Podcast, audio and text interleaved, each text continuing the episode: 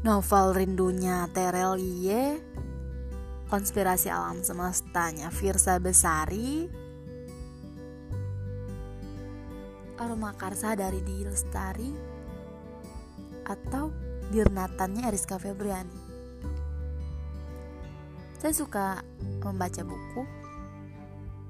Saya juga suka membahas tentang buku-buku tersebut atau kita juga bisa bahas tulisan saya yang berjudul Anelekta Rasa.